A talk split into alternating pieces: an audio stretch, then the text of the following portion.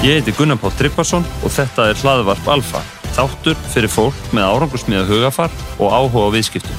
Það er von okkar hjá Alfa að þú hafi gagn og gaman af þessu hlaðvarpi. Líf Bergþórsdóttir hefur verið eins konar ofurkona í íslensku viðskiptalifi undanfærin áratug. Hún stopnaði fjarskiptafyrirtæki Nova á sand Jóakimi Reynisinni og Novator. Félagi þó starfsemi kortir í kreppuna sem kom ára 2008. Nova reyri lífróður og tapaði 100 miljónar króna fyrstu starfsársýn í baróttu við risan á markanum, Síman og Vótafn. Líf sem fórstjóru félagsins hafði skýra sín á hvað skipti máli til að ná árangri. Útöksu viðskipt áallum, fjögur skýr markmið, réttar ráðningar og mögnum markasetning. Á aðeins 8 árum náði Nova hæstu markaslutild í farsímaþjónust á Íslandi með 8 miljardar krónu í veldu og 2 miljardir rekstarhagnar. Við köfum í þetta allt. Svo er það vá. Líf lýsir því tvækifæri sem hún sá í ferðamennsku fyrir Ísland og hvernig leiðir hennar og skúla Móesen lágu saman við stopnun vá. Líf varð stjórnaformaður félagsins. Það var margt líkt með Nova og vá, svo sem mikið hugreiki, framsækin markasetning, sterkur kúltúr og metnaði fyrir tækni. Nova var selgt á 15 miljardar króna árið 2016 til ellendra fjárfesta en Vá fór á hausinn 2019 eftir að vonir um ellendan fjárfesti urðuða engum. Líf er yfir það hvernig þetta horfi við henni, bæði afreikin og mistökin. Þetta er mögnu saga, spennið belti. Velkomin í þáttin Líf. Takk. Hérna, ég hlakka mikið til að tala við þig en það er átt uh, mjög viðbúruríkan feril en kannski áður en við ræðum ferilin getur þú sagt mér svo sjálfum við þér og, og svona hvað letið þú út á braut viðskita? Já, ég þarna, hvað er ég að byrja? Já, þú ræður. Já, ég segi, ég, hérna, ég er bara fættir Reykjavík og hérna, og hérna var ég bara eins og segi skólum hér og þar, Mm. en hérna eftir svona barnaskóla og hérna framhaldsskóla þá fer ég í, hérna, ég fer í mennskólinu Akureyri og sen er ég stúdent frá hérna mentaskólinu Kópói af viðskiptafræðibraut Mm. og ég fann strax Þú valdi strax á viðskiptabraut. Já, ég fann það var alveg strax hana, algjörlega mitt svið því að Mm. ég held að þú veist, með kannski starffræði lá mjög vel fyrir mér og mér fannst Mhm. þú veist eins og rekstrafnum og þjóðfærnar það skemmtilegt Mhm. en ég átti alltaf við hann mikla svona lestraröðuleika að stríða Já, og þannig, þannig að það var alveg augljóst ég fer ekki að tungumálabraut það var nei. ekki, hann það lá ekki vel fyrir mér Já, og, hann, og ég held að það kannski hafi líka alveg svona móta kannski skólagönguna svolítið mikið og síðan svona líka bara þú veist hvaða braut, hann, hvernig ég svona kannski leðist út í viðskipti. Já. að hann að pappi minn hann var viðskiptifræðingur Já. og rak fyrirtæki. Mm og það var mikið rætt um viðskipti á heimilinu. Mamma Mhm. hefði líka bara mikil áhuga á því sem hann var að- fást við og var mikil kannski svona þáttakandi í hans störfum. Já, við hvað, hann hann rak sindrastál í fjölmörg ár Já, og þarna þannig að ég held að svona, mér fannst svona bara einhvern veginn allt í kringum vinnuna hans og, hann, og sérstaklega ferðarlegin og svona það heitlaði mig Ok, mjög mikið þannig, að- þannig að svona, vera í svona alþjóðlegu umhverfi Mm. og kannski eins og í gegnum hans störf mjög snemma, ungur, þú veist, þá var hann í viðskiptum sem tengdust mikið útlöndum og þetta fannst mér alveg svona, þú veist, bara drauma starfi Já. ef ég kæmist í hanna í þessi spór, sko já, já, frábært. Hanna, og þau stöttu mig auðvitað mikið í náminu Mhm. og, hanna, og þegar ég fer síðan í viðskiptafræði í Háskóli Íslands. Mhm. og það var svona held ég kannski á þeim tíma sem að mér fannst held ég hefur þótt skemmtilegast í skóla. Já, já, mér fannst einhvern veginn aldrei neitt gaman einhvern veginn í skóla yfir yngri og mér fannst mentaskóla mentaskóla árin voru skemmtilega, ég var mjög virk í félagslífinu já. og stundum ofirk Ok. og þú veist, ég var alveg formað nefndafélagsins Já, og, já, og í, hann í viðskiptafræðinni þá var ekki, þú stúdendakjallaran í eitt ár og svona, það, hann var mjög virk í vístaferðanum og egnaðist eins og segi marga góða vinni. Besti skemmtistöður í heimi, Já, ég segi sko, það held ég að þetta félagslíf og allt bröltið annað en kannski námsbækunar auðvitað eitthvað sem að þarna hefur hann alveg, þú veist, Mhm. er líka reynsla útaf fyrir sig og ég held að þetta er bara fín undirbúningur fyrir það sem koma skildi þegar ég sé að tópi stærsta skemmtistæði heimi já. að þá til. Já, að þá hérna, hafi þetta félagslíf bara verið að fýtt grunnur, þú veist að skapa Já. stemningu og virkja fólk með sér og, Mhm. og hafa bara svolítið gaman að hann kannski ekki okkur bara viðfagsefninu fyrir fram þau og, og svona vera virkur og, og þáttakandi og að ég held að þetta hafi hann verið bara kannski svona eitthvað sem maður kunni áttaði sig ekkert endilega á þá. Já. en hafi síðan hérna bara verið fýtt undirbúningur. Mm -hmm, út í lífið. En þú segir að þú hefði glimt við lestrarleika hérna þegar maður ætlar að koma það eitthvað niður á námsárangri og svona, var, hafði það áhrif svona kannski á sjálfsmyndina á þeim tíma eða hvernig? Já, það er svo skrítið, þú veist, eins og ég segi, það hafði ekki áhrif á sjálfsmyndina Nei, og nei. þannig að ef maður skoður alveg einhvernumblöðin í dag, mamma gemdi komið einhvernumblöðin, þá er þetta alveg ótrúlega fyndið, sko, Mm. þú veist, það er alveg bara með fjóra í lestri og, og þarna og þarna, en veist, en það var einhvern aldrei þannig, fóreldrar mínir, veist, þarna þau voru bæði á málabreytti MR og þau áttu rosalega með að skilja Já. hvað væri eiginlega að mér. Já, og les, lesblinda var bara ekki til. Nei, og ekki búið að greina Nei, það var bara ekki búið að greina. Já. og þú veist, ég man einmitt eftir því þegar ég og mamma uppgötum að ég er sem sagt sé með þessa lesblindu. Mm. því ég bæði náttúrulega með námið og svo náttúrulega alveg æmyntrilega að finna hann að píónuna þú veist, Mm. þessum nóturnar flugu bara eitthvað út í buskan og, og, hana, og ég reyði ekkert við það frekar en lesturinn, sko Já. að ég held að ég hef verið svona 18 ára þegar hann við sjáum eitthvað viðtal Mm. þú í bara sjónarspönnu einhver maður að lýsa sinni lesblindu Já. og það við bara aldrei hirt talað um Já. þetta áður Já, og hann en þetta, einhvern veginn, nei, þetta háði mér ekki og þetta hérna, hafiði ekki áhrif kannski að reyna því að mér fannst kannski ekki endilega skemmtilegt, en mér fannst mörg fjóð skemmtileg og, mér, Já. minna, og ég lagði kannski, það er eins og þú veist þegar þú kannski lélur í einhverju, þá ertu heldur ekkert endilega að sinna því vel, Nei, en nei. maður fann kannski í staðin, þá var mér kannski rósað því mér gekk vel í starffræði, Já, þannig að maður kom já, þá bara já. heim og lærði starffræði og það var það bara, þú veist, Já, það er gott já. að vera góður í einhverju, þú veist, það er vant að vera hann, Já. slagur í öllu, en leið og þú veist, allir, þú veist, maður einhvern veginn með fóreldra mína leiður kannski með einhvern svona veikar hlið, Já. að þá áttu líka kannski einhverja sterkar hlið og, Já. hana, og vinna með það, þannig að þetta hafði aldrei neinn áhrif á mig og svo þetta kannski þannig að ég man eftir samlunduprófin og gekk mér náttúrulega ekki vel í dönsku og ensku þannig að fóreldrar mínir segi bara herðu hann að lifum frábæra hugmynd Mm. þarna eftir nýndabæk, þú hérna hvernig hljómar að fara bara til Danmörkur og hann að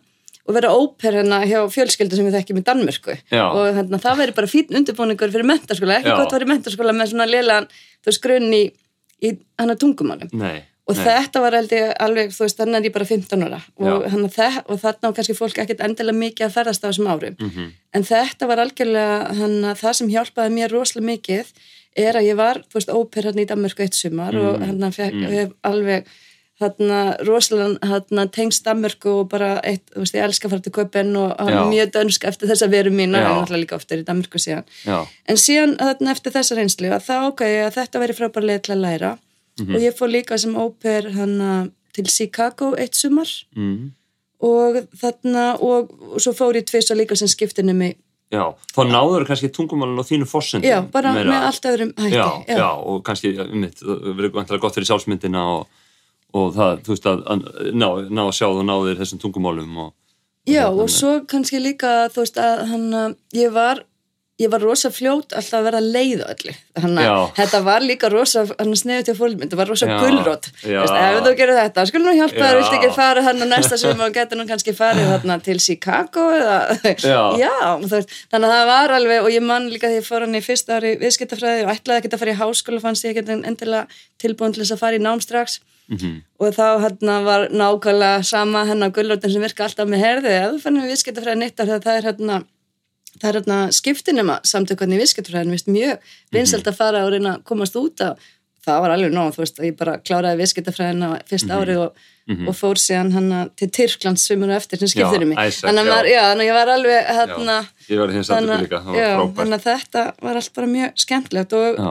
ég var alltaf, ég meina ég segi, þú veist, þetta var frábær leið til að ferðast Já. á þessum árum. Já, já, að já, fara sem skiptinni með að fara í svona óper. Já, en þú segir að það verið skemmtilegast þegar þú fannst í viðskiptafræðina, hérna, það var, var, var, það þá, var það einhvern veginn fögin sem að þá bara tölur þín eða, já, og ég held að sé bara, svona, bara fyrstskipt sem að mér fannst, þú veist, bara námið lág vel fyrir mér og gekk mjög vel. Já, já, veist, var losnar við allir þessi erfið fyrir Já. fjölbreytileika sem er í mentaskólanáminu og ég held að það sé mjög algengt með fólk að það fer ofta ekkert að blómstra fyrir að komið í kannski eitthvað nám sem er, er alveg að þeirra línu.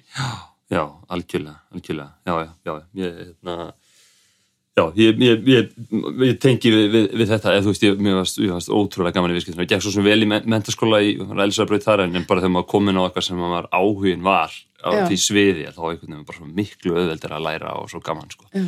Þannig að, já, frábært, en, en, en svo byrjuð þú ferðu eftir hérna bara nokkrum árum eftir námi þá, þá ferðu að vinna hjá TAL sem er þá nýstopnað ekki.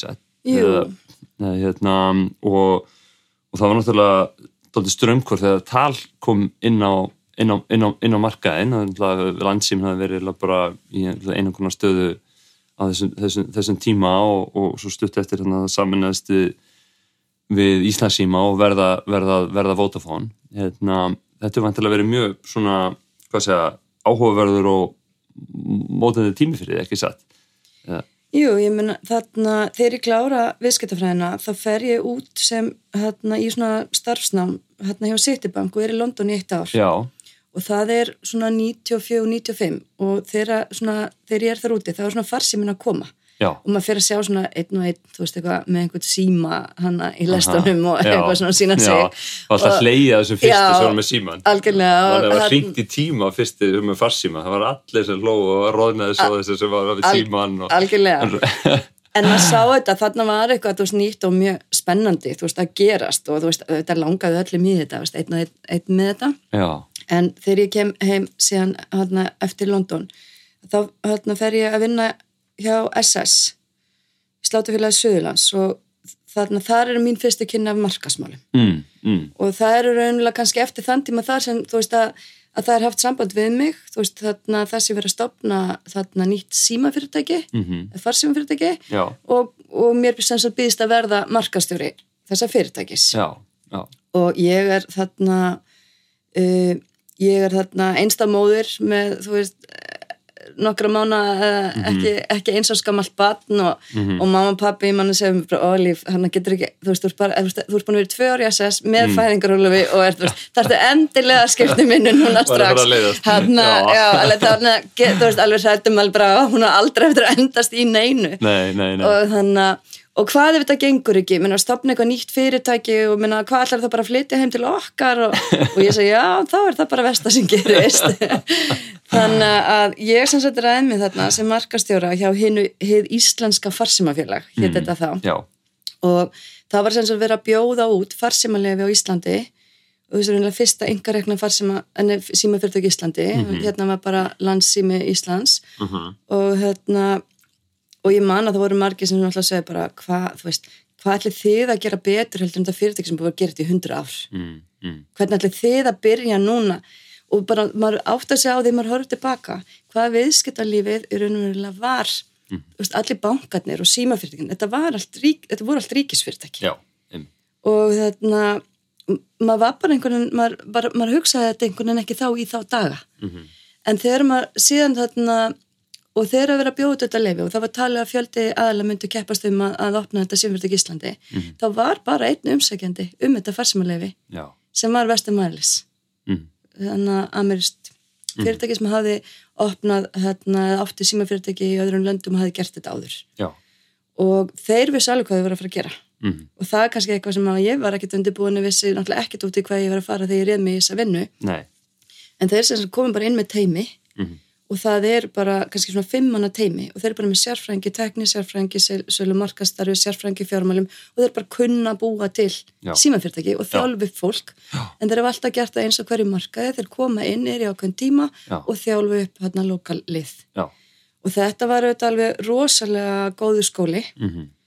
og það er eins og með allt ert að stopna fyrirtæki eins og tal að timing is everything. Það er Mhm, bara, mhm. þarna, þú veist, þú getur verið ára á snemmaferð og, og kveikti peningu því að markarinn tekur ekki við sér eða, Já, já. þarna, en ákvarðat þegar við opnum hana í, í mæ 1998 mhm, að þá er Nokia 5010 að koma markað. Já, og Nokia 5010 hann, hann, hann er algjörð vatnaskeli menn hann móta það að þarna getur almenningur eignast farsima í fyrsta skipti. Mhm, mhm, þannig að bara daginn sem við opnum þá erum við bara með heitustu vöruna við erum með vöru sem að, þú veist bara allir vilja Nokia 5010 Já, þetta voru svo stórir miklu lunga símar, náttúrulega þessi NMT símar gamlu Já, og svo þetta var- þetta var ekki mitt.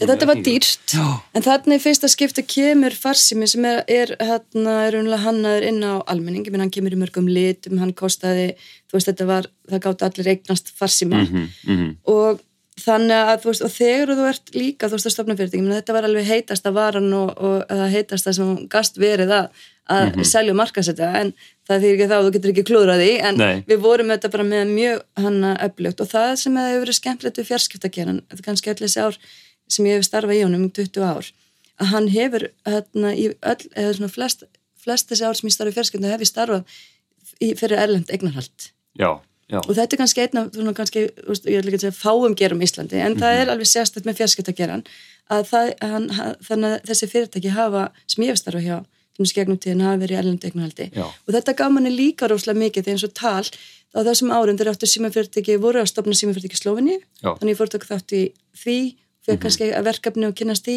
í Króatíu, í Austuríki já, og þannig að þó þetta verði ekkert eitthvað sem að vörum ekki annað en þá varst áttur í kollega og, og þú gast deilt reynslu og, já.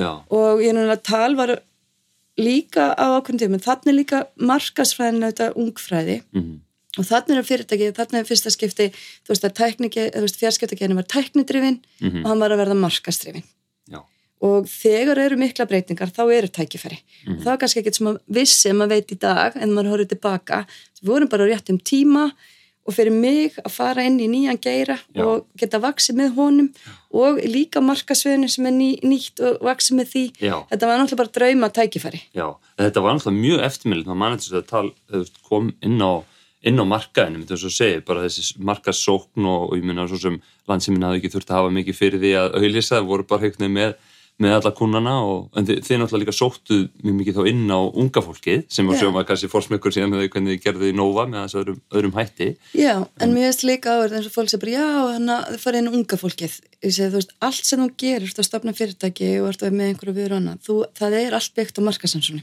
Mm Og þú spyrir bara, þú veist, gerir bara könnun og segir þarna, þú veist, gætu þú veist, nú er að koma nýtt símafyrirtæki, þú veist, gætu þú hugsaðir að skipta við það. Já, Og þá já. sérðu bara, já, veist, yngra fólkið. Já. Leiður stónum færtugur, Já. þá hefur bara, nei, ég er ekki viss. Nei, já, það já, er bara, já. það er bara, tregða. það er, það er ástæð fyrir því að þú byrjar á unga fólkinu, þau móttækilegust fyrir breytingum, Já. móttækilegust fyrir nýjungum, það er engar hefðir fyrir því að vesla við einhvern, þau, þau sjá tækifærin, það er ástæðan fyrir Mhm. Því að síðan vinnur með það og síðan koma næstu hana kynslaður Kýrslur eftir, á eftir. Áhvert. Já, þetta er líka kannski svo þetta með sko síðan sem þið gerðum með, sem við viljum nóga með svo ringitónana og, og annað, þú veist, svona skemmtilega lög svona ungt og fest og annað. Ég meina, þú veist, hver vil ekki vera ungur sko, þú veist, eða feskur sagt, Já. þetta er ég vil ná, þessum hóp og, og svo, svo kannski koma hinir þá meira í, í framhaldinu eða hvað Já, algjörlega. Já. Og, en ég held að tal var líka bara þetta var ótrúlega hana góður og hana frá, frábær tími. Þetta var rosalega upplugt og samstilt stjórnendateimi og við fengum að byggja fyrirtæki upp ég held að þetta var á þessum árum var þetta með frjálsleiri vinnustöðum.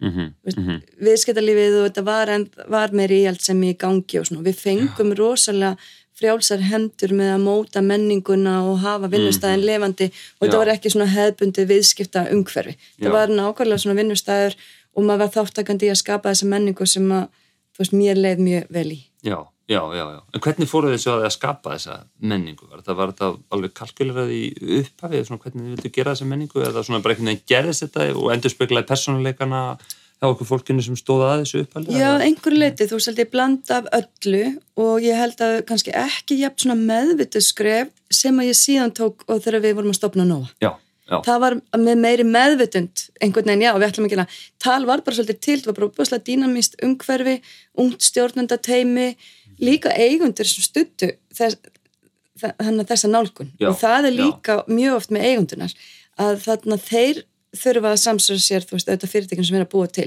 vilja bara, þú veist, finnst þetta kannski alltaf barnalegt eða svona hins einn Já, sér ekki því sem já. gera, finnst þetta ekki nógu alvarlegt, þið verða aldrei tekin al, þú veist, auðvitað, þú veist, þannig Já. að þú þarft að hafa stuðningsan sem breyðst hóp til þess að gera hlutin öðruvísi já, og það er ekki allir sem að, að geta það, en þarna var eigunduhópur Mhm. sem að var virkilega þáttakandi í þessu markastarfi og, og þú veist, í því að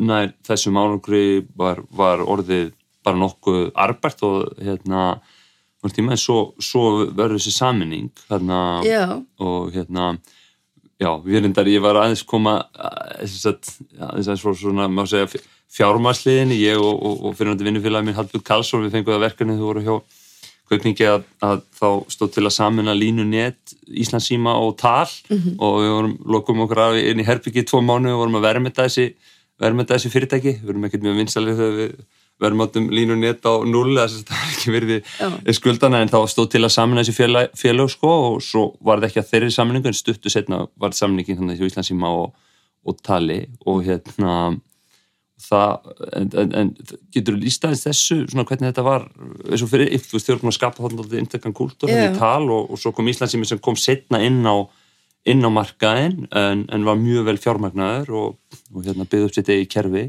Já, ég held að sko tal raunlega bara gekk mjög vel. Við vorum mm. komin með, ég man ekki hvað við vorum í markasluti held ég, við vorum komin með hann að mann voru 36.000 viðskiptavennir þá, ætla ekki verið svona 20% ef við ekki 25% markasluti held mann ekki nákvæmlega vorum, allan fyrirtæki gekk vel og það var að fara að skila hagnaði. Mm -hmm. og þá kemur raunverulega bara yfirtöku tilbúð að hálfu Íslandsíma já, og maður myndi þetta alveg dag, þú veist, segja og menna, þetta var alveg, þetta var hostal takeover. Mm já. Þetta var mjög hostal mm og maður fer kannski úr þessum mikra kúltúr í bara svolítið harðan svona saminningar Já. kúltúr já, og það þróast þannig að nánast allir mínir nánustu samstagsfélagar þeir hætta. Já, Þú veist, fórstjórin, fjármálastjórin yfir tæknisvið, þú veist, það megnið af stjórnanteiminu og þú, svo framkvæmdastjórn sem ég tilherði, Mhm. Þau hættu Já. eða var búið, þú veist, einhverjum tveima búið annars þar en fyrirtækisins. Mhm. Mér er búið að, að, að vera í, í framkvæmdastjóra teimi þessa saminna félags. Já, en mað, ég var eiginlega bara svona, ó þú veist, mér langar bara ekkert að gera það. Nei. Og þannig að en ég var kannski ekki alveg sem er spórum og, og samstagsfélag minnir að því lendileg, mér langaði eignast líka annar bann já, og ég aftur svolítið einhvern veginn erfitt með bara að hætta og fara Já, og leita já. mér að vinnu og verða ólétt eftir hana, bara mánuð, þú veist, ég Já, var einhvern veginn ekki alveg Mhm, nei. ég var algjörlega bara nákvæm, ég átti bara eitt batt fyrir og mér langaði eignast annar batt og mamma og pappi ágiföldu og myndi mögulega flytja aftur með döpöld Já, með tvö börn heim. Nákvæmlega. Nei, þannig ég hugsa bara, ok, ég ætla bara að hérna, að prófa, að takast á við þetta. Mhm. og þetta var, þú veist, ekki svona allt inni var ég bara komin í nýtt starf hjá nýju fyrirtæki, en ég hafði bara einhvern veginn ekki beint ráðið mig í vinnu þú veist, þetta var bara breytingin var það mikil? Að ég var bara komin í algjörlega nýja frangvæmtastjórn og nýju fyrirtæki með nýju fólki og, og maður var einhvern veginn svona að byrja upp á nýtt. Og þetta, eins og segi, þetta voru mjög ólík fyrirtæki mhm, og fyrirtækjamenningin auðvitað í svona saminningu og þessu stjórnum var miklu, miklu harðari mhm, heldur en ég hafði kynst áður. Já, og ég myndi alveg segja að, að oft eru svona kannski erfiðstu verkefnin og það sem er svona fjärstjar eru oft það sem hún læri mest af. Já, og þó þetta hafi kannski ekki alltaf verið bara allt tekið á gleðinni þá var þetta alveg rosalega lærdomsríkur tími. Mhm, og meni, ég fæ það verkefni sem var mjög auðvitað skemmtilegt að við þurfum bara að reyna það var ekki vilja til að halda í talvörumerki þó þetta væri bara greiðarlega blitt vörumerki og Mhm. að þau fengi markasvelun og allt það. Þegar það var bara algjörlega ákverðun eiganda það verður að vera nýtt vörumerki sem saminar þessi tvö fyrirtæki. Mhm, og við fyrir einhverja vinnu og það var leik og vörumerki sem ég fannst alveg bara hræðilegt Mhm. þannig að sem betur fyrir áður en að, að, að það var ákveð að þá opnast þess möguleiki að við getum fengið þannig að Vodafone vörumerkið mögulega. Mhm. Þá voru þeir að byrja með svo kallað dual franchise þar sem að þú varst með eitthvað vörumerki en gast fengið, veist, samning við Vodafone. já, Þannig að ég fyrir þá vinnu með Óskari Magnúsinni sem var fósturi félagsins að, að reyna semja við Vodafone og fá þetta vörumerki og Vodafone var á þessum tíma bara algjörlega eitt af flottustu vörumerkjunum já, og menna, þeir voru með David Beckham í auðlýsingum, sponsorið Formule 1 og Schumacher og mhm. veist, þetta var alveg glamurus hérna, vörumerki og ég held að, þú veist, eftir að það var alveg bara besta lending sem við hefðum getað hérna náð já, já, fyrir saman að félag og líka bara, veist, að- gera þetta, gera úr þessu eitt fyrirtæki já. Þið settur nynda þetta aðriðsverða forsketi fyrir framann og, og, Vodafone það var aðtegli. það var náttúrulega hræðilegt að þurfa að vera með það því að hana, það var bara ekkert að fá sko dual branding samling þannig varst að, veist, kallar, þá varst að vera með eitt vörumerki með, máttur ekki bara vera með Vodafone Mhm. þannig við völdum eiginlega bara, við hefum eiginlega bara átt að velja þú veist bara þú veist, vaf, e, þú veist, þetta var bara minnsta sem við gátum valið. Þannig að Vodafone væri eiginlega það tæki bara enginn eftir þessu og. Þannig að það var það alveg mistókst, það tók allir því. Já, nákvæmlega, en ég segi, þú veist, ég held að sko, ef við hefum ekki náð Vodafone, þá Já. hefði fyrirtækið endað að heita og já, og, já, og Já. það var bara og hvað, þú veist, þetta var þetta, hérna ekki, ég myndi segja þetta fengi ekki hönnunavelli, Nei, þetta nei, nei, vörumerki. nei, nei, nei, nei. alls ekki, en þetta hérna var Mhm. hérna lærdomsríku tími ég, þarna, þarna er ég ekki bara þú veist að stýra kannski, hann er ég ekki bara að stýra þú veist þarna markasmálunum og sölunni, mm -hmm. heldur er ég með þú veist söluna, markasmálun og þjónustuna Já. þannig að ég var komið með mjög breytt svið og maður var farin að, veist, að læra og þróast áfram í starfi Já. að ég náttúrulega byrja eins og ég segi markasmálunum en þarna er maður að bæta við sig og vaksa í starf og læra inn á fleiri svið fyrirtækisins og, og síðan vann ég eins og segi þarna og við komum þessu öllu saman og, og svo fór ég bara í fæðingaróla Já, ok En þú tala um þetta lærdóm hérna, sko hvað hva, hvað veist hvað veist þið ganga vel í þessu og hvað veist þið ganga illa í þessum, þessum samluna Sko þetta var við þetta fyrstu dagarnir við segjum hérna á þessum tíma við saminningu Íslands símantals segjum við upphátt í hundra manns mm -hmm. og við erum ímyndar á þessum árum hvað þetta var já. hvað þetta var mikið mm -hmm. áfall já og þú ert að segja upp hérna unsegið, þú veist, þetta varu hundra mann sem mistu vinnuna, mm -hmm. þannig að þetta var getur smá erfitt verkefni fyrstu dagana, einhvern veginn að koma saman nýju teimi og, og, og síðan að byggja það eftir þessi sár upp, upp, að, upp að nýju. En það kannski lærtumsvíkast að fyrir mig var að vinna í annars konar kultúr Já. og undir annars konar stjórn. Ég hafði verið að vinna með veist, fórstjóra sem að veist, hafið ákveðna styrkleika og þarna fyrir að vinna með nýjum fóstur Óskar Magnúsinni sem náttúrulega bara var mjög góður á þú veist, og hérna hann styrkleikur á öðrum sviðum heldur en þeim sem ég hefði unni með. Já. eins og farið gegnum samninga við, við Vodafone og vinna með erlendurum aðilum þú veist, að reyna að landa þessum fransestíl og annað. Það var ótrúlega lært um svíkt og síðan það, þarna dætti líka kannski inn í ákveðið hann að Vodafone samstarf. Mm -hmm. þannig ég tilherði einhverju Norðurlanda teimi í markas, hérna, markas teimi Vodafone. Mm -hmm. þannig að maður var mikið sam, samskiptum og, og samvinnu við þú veist þarna þá segið þú veist Vodafone fyrirtækin sem voru á Norrlöndunum já, já. og allt var þetta bara mjög skemmtlegt Já, já, já, já. Þetta er náttúrulega svo margar hliðar á sér svona sambrunnar og ég, ég verið að vinna alla mína tíðan og hvort og sko á, á, á svo fjárfesta hliðinni eða, eða sem ráðgjafi fyrir með, með fjárfesta og þú veist að vera að horfa á ákveðna, ákveðna þætti í svona sambrunum sko og, og hérna útreyningana, samleðina, mögulegt exit og annað, en, en þú veist, það eru svo margir náttúrulega bara svona hagaðilar í þessu, þú veist, það eru, það eru hérna, það eru náttúrulega eigendunir og þú veist, stjórnin, fórstjórar og, og hérna, stjórnendur, svo starfsmenn og, og svo náttúrulega byrjar eða viðskiptavinnir og annað og bara þetta þarf einhvern veginn að Já, þetta, þetta er náttúrulega ótrúlega snúið, sérstaklega kannski fyrirtæki er á sambarlegri stærð og með svona ólíkan kúltúr eins og lýsir, þetta er alltaf auðvitað kannski stærra fyrirtæki að gleipa minna og sem getur einhvern veginn farið inn en... Já, en ég sé sko Ísland sem við varum þetta mikið, mikið minna fyrirtæki Já. og þeir voru fjárháslega mjög illastattir og þetta var alveg veikara og hann að fyrirtæki hann sem var ekki ganga vel að taka yfir fyrirtæki sem gekk vel. Já. og þarna að segja stundum er betra að skulda bankunum meira en minna. Þeir voru bara í þarna þarna var líka bara þarna klókir viðskipta menn Já. sem bara ná að, að, að haga þessu svona Já, en það er okkur verið út í þeirra og þá verið mér gerandinn í samrununum en ykkur kannski þau bæði verið vunni að keppa við hennan aðela og svo verið að hugsa, heyrðu, pítu, við vorum að gera þetta þú veist, jafnvelega betur, okkur þau að segja okkur hvernig það var að gera þetta og ímis og svona dýnum Já, algjörlega, og sko. okkur í talið minn okkur fannst ég bara í tablinu fannst bara að tapa rosalega og Já. það væri bara að vera að splundra einhverju fjölskyldu Já. en eftir að hyggja þá var þetta líka lært um srikt og hvernig ég farið inn í nýjverkefni og ég held til dæmis að hafa gengið gegnum svona, átt að sjá því, þú veist, er á meðan er Já, að í viðskiptum, þú veist, ég minna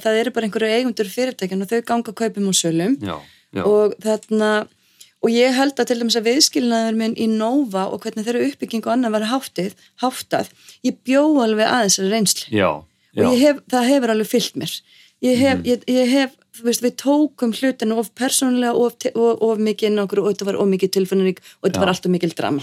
Veist, svona talmein veist, minna, það varði engin heimsendir, þetta gekk bara vel og fyrirtækið saman, það varði eitthvað nýtt til og það var bara einhver nýsköpun og þú heldur bara áfram. Heldur bara, og þannig er bara hlutirnir og þannig ertu í business Mhm. að allt á sem tíma og svo ertu bara að þróa veist, hlutina áfram og þa þa það, þannig að mér fannst þetta þetta var mjög lært um setnin í önnu verkefni sem ég farið hva, hvaða augum ég líta eins og segja þú veist að, að þetta tekur bara breytingum og þarna og þessi viðskilin, að vera ekki bara einhvern veginn sko, þetta er ekki barnið þitt. Nei, og þetta er ekki nei. heimilið þitt og þetta er bara ekki eitthvað allt veist, þetta er bara tímabundi verkefni Mhm. og ég hef bundist verkefni með öðrum hætti eftir þetta. Já, já. Minni já, minni svona eða ekki svona einhvern veginn sentiment eða einhvern ómikil tilfinningasemi. Nei, ég myndi að segja, veist, þetta herti mig. Þetta kendi mér hluti og þetta kendi mér líka að þarna að áttum á því hvernig fyrirtækja menningu og hvernig fyrirtækjum ég myndi njóta minni og hvernig ég myndi ekki njóta já, minni. já, já, og ég er ekki sterk í svona office nei, ég er bara ég á rosalega kannski, ég er alveg svona startup ég, ég þarf að keira hlutin áfram með rosalega stemning og Já. mikil gleði. Já, og ef það er mikil neikvæðni þá Já. bara nánast lamast ég. Já, já, já, ég bara, veist, við erum mismunandi, mismunandi hvað það var þar Já. og ég er bara, þú veist, ég, þarna, og það var líka alveg grunnun með Nova, Já. þessi bara nákvæmlega hvernig fyrirtæki, okkur langaði til að búa til. En við förum um það þessi gleðina hérna með, með Nova. Mér finnst náttúrulega stofn Nova útrúlega áhugaverð. Þú veist bara og hérna já, ég, ég bjóð elendis á þessum tíma var kannski ekki alveg ringiðin inn að heima en maður hefur samt haldið á þessum tíma var ekki endilega pláss fyrir sko þá nýtt símafélag, þú veist, eins og segið með tal, hérna það við náðu árangrið, náttúrulega í samskynnu við landsímann og, og, og hérna og meðvitaðan hátt eins og lístir á þann til, til unga fólksins og, hérna, maður haldið að vera kannski dálítið búið að veist, leika þann leik og, Íslandsími hafði þá komið sem félag númer þrjú á þessum tíma og reksturinn eins og nefndir á þann hafði ekki gengið sérstaklega vel þar. En þarna komið þið inn sem þriði aðilinn inn á markaðin, bara hvað hva er tækifærið þannig að sem þið, sáuð þannig að hvað 2006-2007 sem að þið þið var stofnað fyrirtæki Já.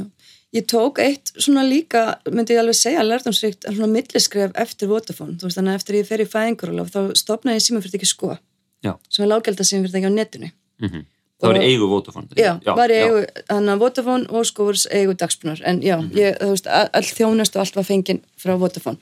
Og það sem var bara, við vorum bara þrýr starfsmynd, það var allt á netinu og, og þarna sé ég aftur, hann eins og segi, þú veist, þú veist, stofnum fyrir því, timing is everything, Já. þarna, þetta var, þarna, en þú veist, þarna er bara ennþá bara GSM og þarna er bara, þarna er bara hægt að senda símkorti í pósti og þá kunna bara allir að setja símkorti í, í, í GSM síman Mhm. en, en maður sá samt, þú veist, að þetta hefur verið þannig að maður sá það voru ákveðin tækifæri að brjóta upp markaðin því að þessi fyrirtæki, Símanum Vodafone, þau voru að mörgu leiti að, að, að nálgast mjög hvort annað. Mm Vodafone var komin á þann stað svolítið að, þarna, að vera svona mínu útgafa af Símanum. Já, og þetta var orðin algjör fákeppnismarkaður. Mhm. og það á þessum árum hann þetta sem kannski svo, svo bara hætti þessu skoverkefni að fara að gera eitthvað allt annað. Og þá hann að kemst ég í samband við hann að fyrir vinnufélaga minn Jókim Reynursson sem var að vinna með mér, hann var framgötastjóri teknisvis tals. Já, og þarna unnum saman þá. Hann hafði farið að vinna fyrir Novator. Mhm, og hann hafði verið að vinna fyrir Novator að stopna símafyrirtæki í Pólandi mhm sem var, að, var fjórði aðilin en þann markað í þrjúki Já, play Já, play. Og hann er þar úti og þegar þeir eru þar úti og eru náttúrulega að fylgjast með því, þú veist, þarna, þú veist hvernig þrjúgifaðingin er í Evrópu og eru að horfa til Íslands og hann er að horfa til Íslands, það er ekkert að gerast í Íslandi. Mhm. Þannig að það er komið þrjúgi í öllum löndum í Evrópu nema Íslandi og Albaníu eða, eða eitthvað, þú veist, þannig að af hverju bara skoðum við ekki að gera á Íslandi það sem við erum að gera hérna úti Mhm. Og það verður úr að ég er að eðmi verkefni í sex mánu að gera viðskiptaallin með Jókim hvort að það væri tækifæri að, að koma með þriðja hann að farsmennfyrirtæki inn, inn á þennan markað. Já, og niðurstaðan af þeirri hennar greiningu var síðan það sem að nótur ákveður að, að, að slá til og Já. við stopnum og við ákveðum að sækja um þrjúkir ekstra leif í Íslandi. Mhm, mhm. Og það er þarna þannig að viðskiptaallin að vinna við hann að 2006 og sækjum síðan um þetta hann að þrjúkir ekstra leifi í byrjun ást 2007 Já, mhm. Og það tækifærin sem við sjáum að það er nákvæmlega sömum tækifærin sem við segjum með tal að þegar það er verða svo mikil breyting og þannig að þegar við erum með tal að þá eru komið fyrsti alvöru GSM símin sem að þarna er að fara í almenningseigu að 2007 þegar við erum að stopna Nova þá kemur fyrsti alvöru snjálsímin sem er fyrsti iPhone, Apple símin já, þú veist þannig að after já, timing. Ef við höfum til dæmis já. opnað árið fyrr þá voru engin þrjúkifarsmar nei. Það eru kannski því heilt ár það eru kannski lonsir af fyrirtækinu og ert ekki með neitt heitan síma eða, eða neina vöru sem að eftirspurnir eftir hjá almenningi. Já, og þarna læri maður líka þú veist að þú ert, þarna, þú ert aldrei too big to fail nei. eins og með Nokia. Já, og bara horfandi á Nokia í þessari líkil stöðu með svona svakalega flottu vörumerki og, og sterka vöru að taka ekki þrá, þátt í þróunni. Já, að þeir bara kom ekki með þrjúkja síma ánan markað. Mhm. ekki það þeir geta það ekki. Þeir soltið partner upp með gömlu símafyrirtækjurum því að það var alveg ljóst að það kæmi aukinn samkeppnin fjarskiptageran samlega þrjúki það opnaði tækifæri fyrir nýja aðeins að koma inn. Já, já. þannig að þeir eru svolítið svona, já, ef við gerum bara enga þrjúki síma, þá komast bara engir inn á já. þannig að það verður þeim aðfalli já. og þarna 2007 þegar við erum undirbúa þarna, þessa innkoma markað að þá, þarna, þá eins og ég segi, þá verður samlega mikil breyting og loksins koma þessi snjálfsímar og Apple þarna, símin og, og í framhaldunum fleiri hana þrjúki hana snjálfsímar en segjum kannski fyrirtæki sem höfðu farið inn á þrjúkimarkaðin og byggt fjarskiptakerfi 2005, 2006 Mhm. þau voru ennþá að býða eftir símtækjanum Mhm. þannig að þarna komum við aftur inn að hárréttum tíðanpunkti að við náum algjörlega þarna er þú veist neti síman og þessi og þarna er Facebook og allt þetta byrja þannig að við Já. getum alveg frá fyrsta degi hafið markastarfinu og nálgun okkar á markaðin og samskipti viðskiptuninni með allt, allt öðrum hætti Já. heldur en þau fyrirtæki sem fyrir voru Kom það út úr greiningunni ykkar Jóakims í viðskiptáallunni eða var það meira svona einhvern veginn, það, það eru rauðust spilin eða ræðast einhvern veginn saman á, á, á góðan hátt í, í framhaldi að þið setja fyrirtækið upp? það, sko, þetta hluti af þessu var þarna að maður sá bara ok, þarna við munum aldrei geta keft við síman og Vodafone í því að gera flottar og stórar auðlýsingarferðir. Þegar þetta eru þau tvö flottustu markasfyrirtæki á landinu og auðlýsingarherferðinu þeirra þú, sí, þú veist, ef að við hérna, komum með Nova Já. og það verður umræðan alveg bara hvort finnst þér auðlýsingin frá símanum með Nova flottari, þá mun símin alltaf vinna okkur Já. að við erum bara að starta fyrirtæki og við ætlum, veist, við erum veist, við erum ekki að fara að keppa við þá í markasbudgeti nei, nei, nei, Reynda að- með mjög já. upplöðan og þá fjárháslega bakhjart Já, að, já, þannig að við verðum að koma með einhverja aðra nálgun á markaðin og við verðum að, að, að þannig að við ákvöndlum sem gera enga sjónselsingu Mm. þegar við byrjum. Við gerðum bara auðlýsingar á, á netinu og meira svona Já, þarna og Facebook og, og notaðum allt aðra miðla en það kom Jésu auðlýsingin hérna með Jóngnar og bara Mm. aðra, aðra annur eins og flottari auðlýsingar fyrir það við ekki Já, já. þannig að við, það, við fórum algjörlega netleðina og við vissum auðvitað ekkert menn eins og þarna, við vissum ekki að Facebook er þið bara ég meina, þetta er bara sama tíma já, ég meina Facebook aftur, þú veist, ég meina með því að vera eitt af fyrstu fyrirtækjanum sem nýtur Facebook og neti í, mark, í markastarfi að þá náttúrulega vinnur það En hvernig, hvernig gerðu þið það eins og nú er þetta mjög breyttu leikur í dag því að Facebook er farið að kera mjög mikið á auðlýsingum og alltaf meira og meira en, Mhm. en á þessum tíma að maður mann eftir að þú veist þá var að meðvita ákvörun eins og hjá stofnandi Facebook að þú veist hann vildi ekki nota auðlýsingar voru þið meira þá að búa til svona organik efni Já, hvernig, við vorum, auðvitað að kynna þú veist, einhvern veginn netið í síman og hvað Já. er netið í síman, þú veist, það voru þetta að kynna þú veist, þegar það komið Facebook Já, og, því að já, í ég síman var einhvern veginn bara fyrir fólki líka bara búið að vera, þú veist, ok, þú gast farið á, á, á þú gast raunverulega opnum tölupósniðin og lesið texta á vefsíðum Já, já, þarna, já. Er, þarna sko, þú veist, þá meira virknin á Já, ég, tækinu ég segi ykkur, svolítið, fyrst koma kerfin og ég segi svolítið þessu GS, hann að 3G, þú veist, þessi, þessi, netkerfi, að þú veist, við, hann að, við vorum ekki að fara að finna eitthvað það killir upp, þú veist, þetta var bara aukið aðgengi fólks að netinu gegnum farsíman og þá samlega því, þá er þarna, þegar að fjarskiptakerfin er um svona öflug, þá gætt neti fyrir að taka þessa breytingu. Já. Neti var bara texti, en þegar er komin öflugur í fjarskiptakerfi og líka hægt að opna myndir, að þá fer internetið að breytast Mhm, mhm. Þú veist, Já. þannig að þá, þú veist, Facebook og allt, þannig að við erum raunilega bara að hengja okkur og eigna okkur það og þessa breytingu á netinu já, já. og, og, og auka aðgengi fólks að því gegnum farsimann. Já, og en það hefur verið með þetta, þetta, þessi, þetta tækifæri en svo hérna var þóldið aðtilsverð þið settu þarna fjögur skýr markmið í, í upphafi og það var ekki besti vinnustæðurinn, ánægastu viðskiptavinnir sterkt sterkt vörumerki og best á netinu, ekki satt? Já, já. já, það er alltaf áhugast að, hugsa þetta með hvað þið enduð og hvað þið settu miðið. Hérna, hvernig stóðu það þessu, þessari markmiða setningu hjá okkur í fyrirtækinu?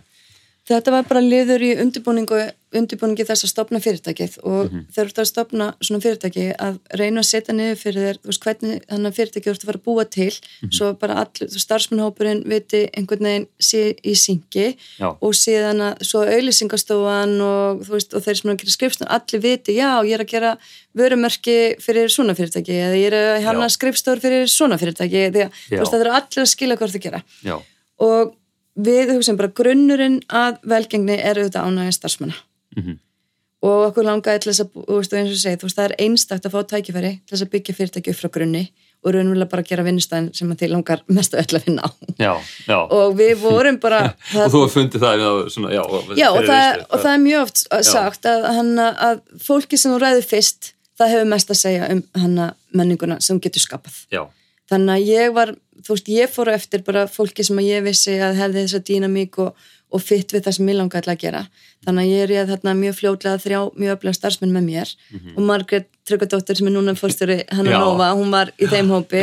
Einna hann að fyrstu starfsmenn sem ég er ég og sama með Jókim okay. hann var algjörlega vissið þú veist hvernig fólki hann vildi þú veist vinna með og, og saman byggjum við þetta upp.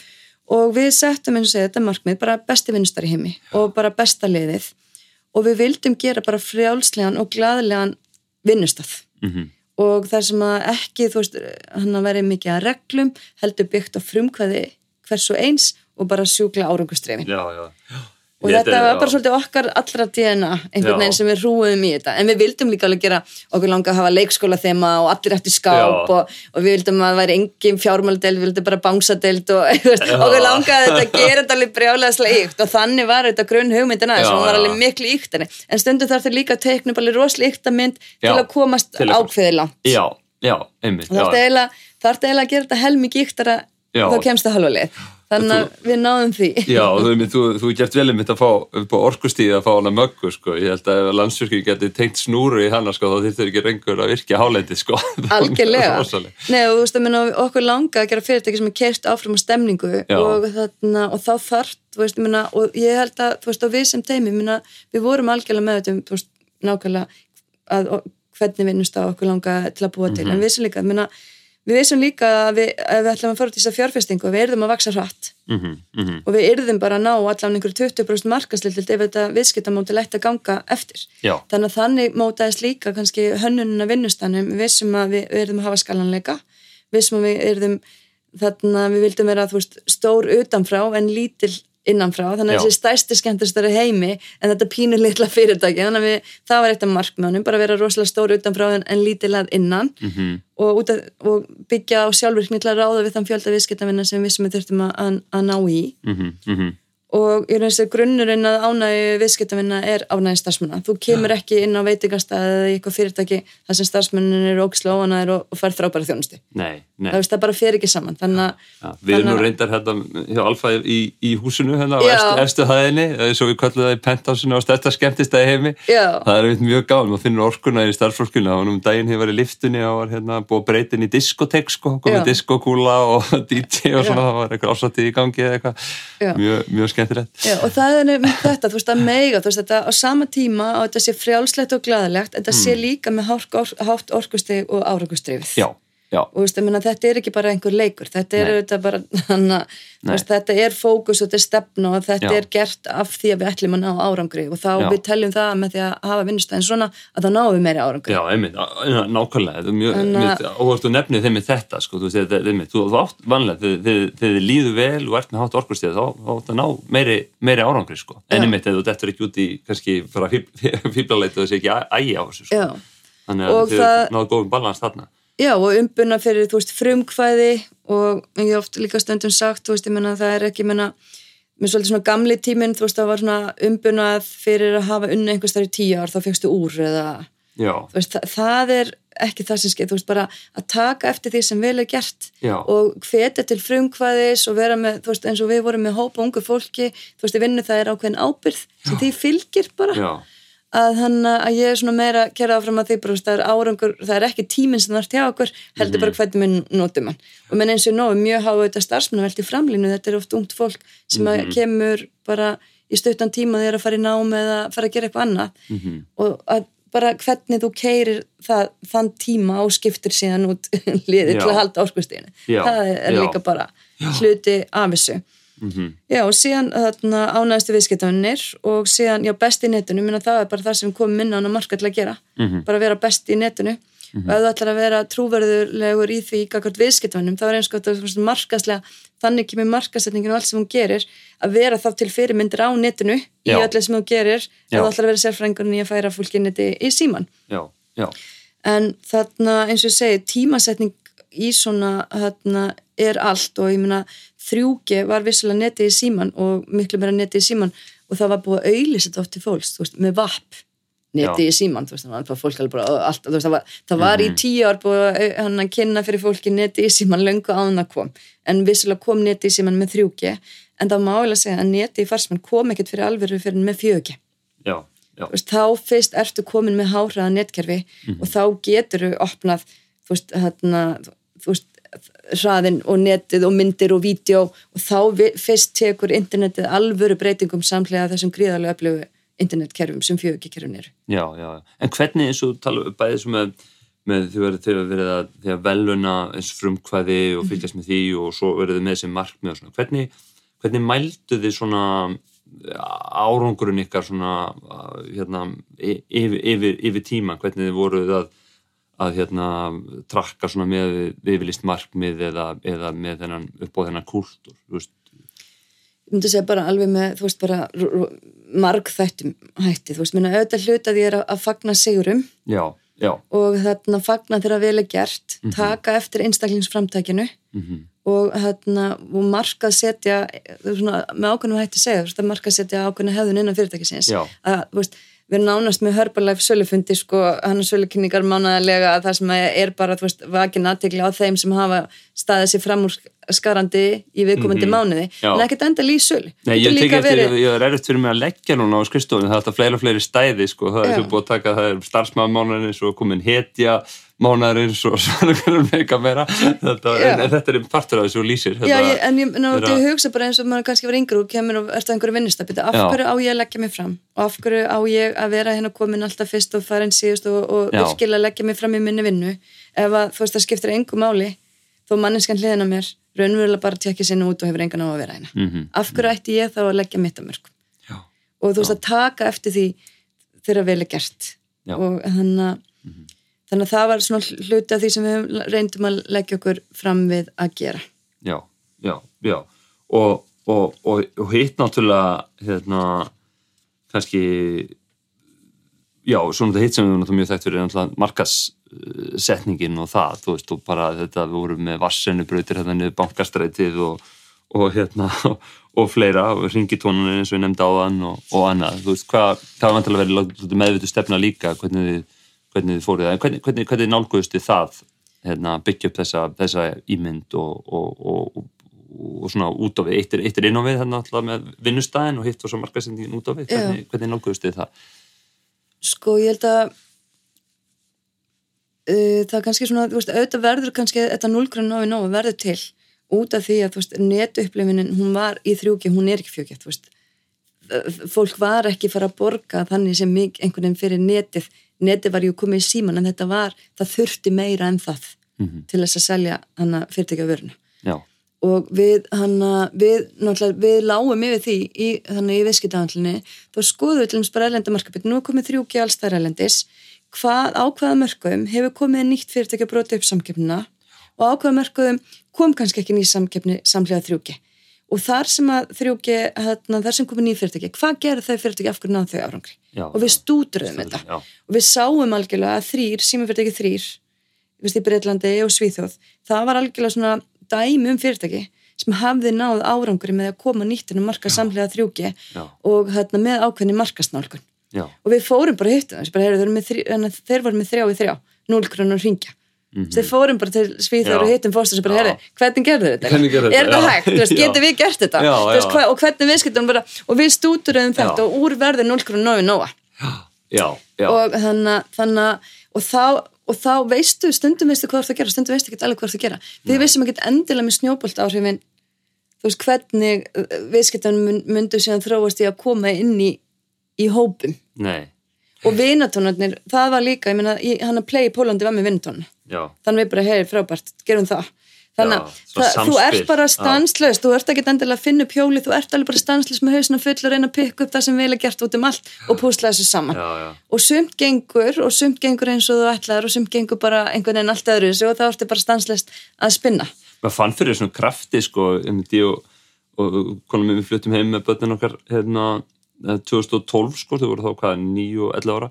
Og hérna þá veist, svo erum við bara búin að vera heima í einhverjar nokkra vikur eða eitthvað, veist, þá við, við mitt hérna, fórum bara, við komum heim, bara fórum í einhver áskrift hjá, hjá Vodafone og svo eru krakkana einan nokkra vikna fyrir að nöða í okkur að fara að skipti við í Nova og við varum bara, herru, við, við erum að borga hérna reikningar, skiptir ykkur einhverju máli. Og, og þá var það mitt samspil að þessu, þú veist, nú konar Nova í Nova upp á það að vininni vildi þó ekki ringi það að það kosti og líka bara þetta, en ánga að vera bara partur af einhvern veginn Nova, fannst þið verið alltaf útöndan að vera ekki ekki, þú veist, þar sko. þannig að þetta er alveg, þau gerðu þetta ótrúlega vel, en, en akkur heldur að vera svona erfitt að fyrir einmitt síman og þið, þið verðið þarna átt árum eftir stopnun og eru orðin stærsta farsíma 2015 Já, 2015 Já, lókast 2015 Já, já, og, og þið farið í loftið þegar lókast 2007 Jú, fyrsta desember 2007 Þannig að, þannig að þeir eru þá orðin stærst í, í, í farsíma, alltaf magnað hérna, en akkur heldur það að vera svona erfitt fyrir síman og, og, og Vodafone að keppa við ykkur? Ég held að sko það, ég held að þú veist við opnum hana á við, veist, við leitum alveg internet Minna, við, ég held að veist, eins og með, með, við veðjum á neti í síman Já. við erum fyrst með 3G og við erum sannlega fyrst í 4G mm -hmm. með 4G, við höfum næst í ársforskott á samkjöfnins aðalokkar í 4G Já. og það er, ég myndi að segja af öllu því sem við gerðum eins og með 0.9 Nova eða með þarna, neti í síman mm -hmm. 4G var mesta byltingin Já. það er ekki fyrir með tilgóðum 4G sem við fáum þess að alveg snjálfsíma internetið verður ekki text og myndir, það verður veist, YouTube og það verður Instagram, vídeo en ekki myndir. Ég held að mesta breytingin er bara í internetinu frá því að internetið kemur. Já. Það er með tilkomu þarna þessari öflugur og nettenginga sem bæði farið heimtíðin í formi ljósleðara og síðan fjög ekki farsmann. Þar sem að, að Netflix og allt þetta, þessar streymisveitur, þar get ekki orðið til fyrir þarna því að burðarlægið er ekki nú öflugt. Nei. En með öflugu burðarlægi, ljósleðara kerfi og fjögi, þá verður þessi nýja bylting til Já. og þessi alvöru upplifin fyrir notendan á bara þegar þú ert komið með alvöru háhræðanett í síman. Já, þannig þeir komið í rauninni inn, eru, það er að vera mikla breytingar, þeir eru með rosalega fókusin á bara veist, framtíðina og hvernig breytingarna verða og eru best aðsett. Og við veðjum bara, við veðjum algjörlega það að fjög ekki hérna aftur þessum árum samt setna, mm -hmm. eða kemur ekki fyrir 2013. Já. Að Já. við bara setjum fjög ekki lofti daginn sem við fáum rekstra lefinu útlutað á meðan að samkjöfnisaðalur okkar hérna, setja það ekki loftið fyrir setna. Já og þetta var held ég líka veist, grunnur að veist, það er svo margt því að ég held að segja að þú veist að stopna fyrirtæki er sjálfnast ekki eitthvað eitt Já. þetta er alveg röð margra það er svo margt sem það er að ganga upp Já. og ég seti samspil þess að marka svo tækni þetta er mjög eitt af því sem er gríðarlega mikilvægt í fjarskiptufyrirtæki að það halli ekki of mikið á markasleina, teknilegina hvernig þessir tveir ólíku heimar vinna vel saman Já. og ég held að það hafi líka mótað nófa miklu leiti að við áttum með þetta frábærsamstarf hérna ég og Jókim Reynisson og, og hópurins með hana að, við, að tæknin og markaðsstarfið fylgi af þessi samstiga og þú veist öll þessi skref. Þú segir það ymmið, þú veist, þú kemur með markarsæðin og markarsæð bakgrunn og Jóa kemur með tæknina og þeir eru náttúrulega, þú veist, að gera viskit áðurna saman og eru, þú veist, þessi stofnendunir Hann með öflögt fólk með sér og ég með mér og við vinnum vel saman. Já og þetta er bara Já. eins og ég segi alltaf veist, að vera hm. á réttum stað á réttum tíma Já. með réttu vöruna, með rétta fólki Já. með réttu verlegninguna, með réttu ímyndina á réttum stað það er bara allt að ganga upp en, það er bara en, allt en það er náttúrulega svona eins og Nóa er í, er í, í dag en, en sko þarna fyrstu árin ég menna þarna tap, tapiði nokkur hundru miljónum voruð þið aldrei farin að evast sko á þessum tíma Já og þú spurð af hverju kannski samgjömsælinir hann að þú veist hvernig þetta hafi verið. Ég held að, að ég held að auðvitað oft í svona, þú veist svolítið eins og ég segði með Nokia. Já. þeir heldur bara ef þeir kemur ekki með snjálfsíman þá kemur bara engin snjálfsíman fyrir að þeim hendaði að koma með snjálfsíman mm -hmm.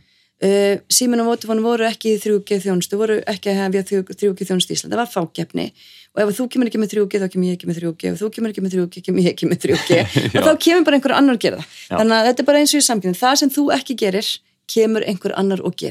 það að þetta er bara og síðan náttúrulega bara erum við með 0 krónu og allt fritt og ókipis það var líka alveg stúdrað af þreymur sem hafið gengið vel á öðru markaði.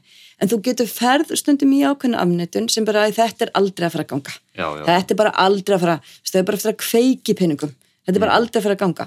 Og það verður kannski ákveðið vannmatt í ákveðin tíma já. svo vaknar kannski upp við eitt daginn bara, herrið vúf, þetta er eitthvað að fara að ganga hjá þeim.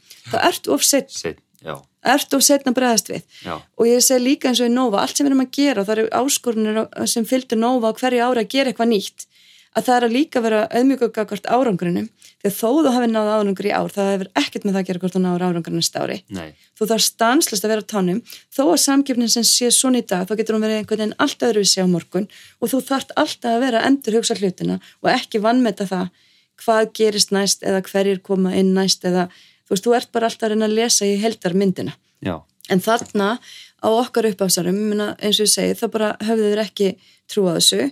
Það var rosalega umræðum einhver samtengigjöld sem við, við værum að lifa á og það var alveg samanþótt við segðum við fjölmiðla eða aðra, herri, við erum ekki að li, lifa á, á því, þú veist, þetta er ekki okkar umræðan bara já, nó, það verður bara gjaldtróta og maður sagði bara viðskiptarnar hringin þjónstu bara, er þetta rétt, er þið bara að vera gjaldtróta þegar samtengigjöldin er að hætta og maður bara, er, er alveg einhver viðskiptarvinnur að hafa ágjörð því, Já. einhver samtengigjaldamarkað sé að fara að breytast Mm. og maður alveg bara, já, þarna, herru, það versta sem gerist er það að ef hann á að vera gjaldtróta þá getur bara til Simons og Votafón Já. Nei, menn, það er, þú veist, þú veist bara gagvar starfsfólkinu öllu, voru við algjörlega eiga við þetta. Já.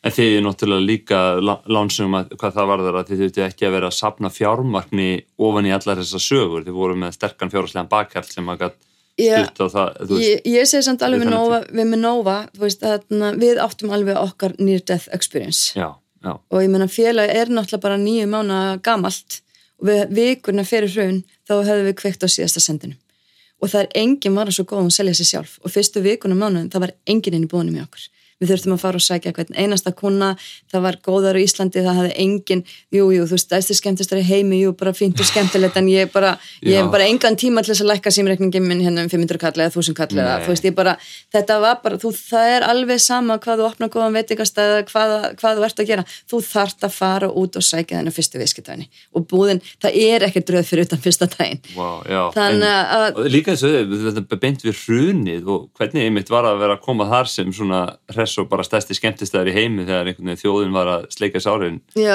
kannski voru við, þú veist, einhverju, þú veist, það var kannski líka, þú veist, ég segi maður minn var að vinna hjá hérna í bílagerunum, Já. þú veist, það sem var 95% samdráttur í sölu Já. og þú veist, í meður hruninu og, og þannig að þú veist, maður auðvitað fylgist með því en ég var bara einhvern veginn starfskenstur í heim að reyna að peppa allt í gang, sko. Og svo kom maður heim og bara, að, er eitthvað leðalt í fréttum? Þú veist, við vorum með bara, en Já. auðvitað koma því, ég meina, níu, þú veist, við erum nýju manna í hruninu, við erum ekki að fulli fjárvæmið og okkur vantar pening og við, ég og Jókum, við förum í alla banka og við förum og reynum að sapna pening og við rey, förum að reyna að bjarga Mhm. fyrirtækinu. Þegar við bara, við gáttum ekki borgað af fjarskiptakerfinu og, og við gáttum ekki gert við byrja. Við, við þurftum að segja upp 10% af, af starfsmannafjöldanum Mhm. þá eru allir starfsmenn sem lækkuði launin sín 10% og stjórnendur um 15% og við náðum með endanum að semja við þennan likilbyrgja og það sem var kannski hjálpa okkur mest að við skuldum aðala bara einum aðala sem var fjarskiptakerfið. Og hann gæti þá bara sagt, heyrðu nei, ég nenni ekki að semja við ykkur þú veist, þetta er bara farið eða bara, heyrðu ok, þú veist, ég reyni að, að, að steyða því að einhvern veginn borga þetta tilbaka og ég held að þegar við vorum að semja þetta hann hafði aldrei enga trúið því hann fengi þetta nokkuð tíma tilbaka Já. Já. þannig við, að þetta var alveg erfið tími en á sama tíma við erum að fástu þetta þá loksins er að fara að koma viðskiptan inn í búðina Já. þá loksins var bara salan farin að pikka sig upp og, og hérna þannig að í mitt í þessu þú veist þá lok, þú veist, bara, loksins fóru þessi snjóbolta áhrif sem vorum búin að vera að býða eftir fyrstu 6 og 9 mánuðina.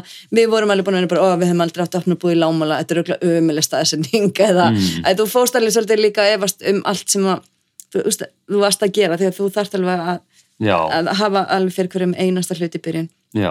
en allt í hennu þarna small þetta og síðan bara stundin þegar snjóboltin fyrir að rúla með þér að þá hérna þá Mhm. hérna eins og ég segi þarna það var einu sinni einmitt talandi um þetta sko það var hérna einu sinni samkjömsæðali sem segi við mig hérna já líf herðu sko þegar ég get smá heppinan í Nova ha, bara komið þarna inn þú veist bara, þú veist, þetta var enga veginn að ganga hjá okkur með 0 krónu og í Nova samtengi í gjöldin og búin að tapa ógeðslega miklum pening, svo bara kemur neti í síman þegar bara hafði þetta ekki smá heppin og ég man að ég var bara svona uh, pínumóðgu og hann og svo fór og bara, og, og svolítið hissa sko, já bara ég menn ég hafði enga trú á þessu, náttúrulega bara fáranlega hefni í ykkur mm. og svo fór ég að segja, já, auðvitað er þetta ákveðin hefni Mm -hmm. Veist, við hefðum getað gert þetta árið fyrir eða við hefðum þú veist, við hefðum getað gert margt við eftir margt ráð, þú veist, Já, þú veist já. Apple kemur með síman, þú veist, þetta gerist. Nei, ég meina þú veist þegar þú leggur upp í að stopna fyrirtæki fyrirtækjarekstur er alltaf áhættusamur Já.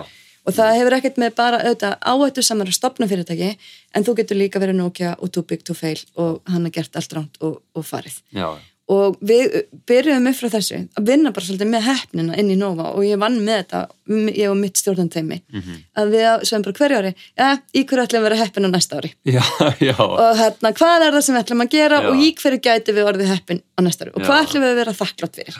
Og það er ákveðin svona auðmíkt og, Mm. hérna, og gleði og svona eitthvað sem fylgir því að í svona ákveðin stefnumótun að, veist, að taka bara, já, heyrðu þú veist, þú, veist, heppni kemur ekki að sjálfum sér Nei. þú þarft að vinna þér inn fyrir henni og þú þarft bara að ákveða í hverju ætlar að vera heppin já Það sem var einmitt frækt hérna, hann sagði hérna frægast í golleikar alltaf tíma Gary Player, hann sagði einmitt hérna því meira því sem ég æfi mig því hefnari verði já, Þannig að- algjörlega já. En, en hvernig leiði þá eins og þetta með þegar þau voru komin á þennan stað að vera honum stærsta farsíma fyrirtæki þannig að hvað, já, sem við tölum um án 2015-16 og, og, og svo voru þið seld til ellendra fjárfesta fyrir 15 miljardar hérna upp úr því. Um, þú hvernig, hvernig leiði þá svona já, ég myndi segja sko, þú veist, eins og hvert ári nóg ég meina, ég er þarna í 12 ár. Og hverju ári bara fylgdu nýjar áskorunir og ef það var ekki eitthvað nýtt að breytast eða að gerast, þá reyndum við að búða þar til eins og ég segi, þú veist, eða var, þannig að þú veist, það var náttúrulega fyrst að vera 0.9 í Nova svo verður 3G, svo kemur 4G og svo kannski kom eitthvað eitt ár sem var kannski ekki eitthvað, neitt, eitthvað nýtt. Já, og þá eitt árið til þeim skerum við auður já, og auður appið og minna það var skemmtilegt en þú þurft líka svolítið að búa til áskarunar ef Já. það er ekki. Eitt árið gerðum við líka Netsíman þá menn enginn eftir honum, bara við, við, við hendum honum bara, það var ekki, veist, það var ekki allt sem gengið vel. Já, en þarna, þannig að svolítið bjóst það til og svo kemur að tímamótum að, að það að eigundur vilja að hann að selja fyrirtækið. Og það er hérna hvað 2016 já, sem að kemur nýr eigandi inn hann að PT Capital. Já.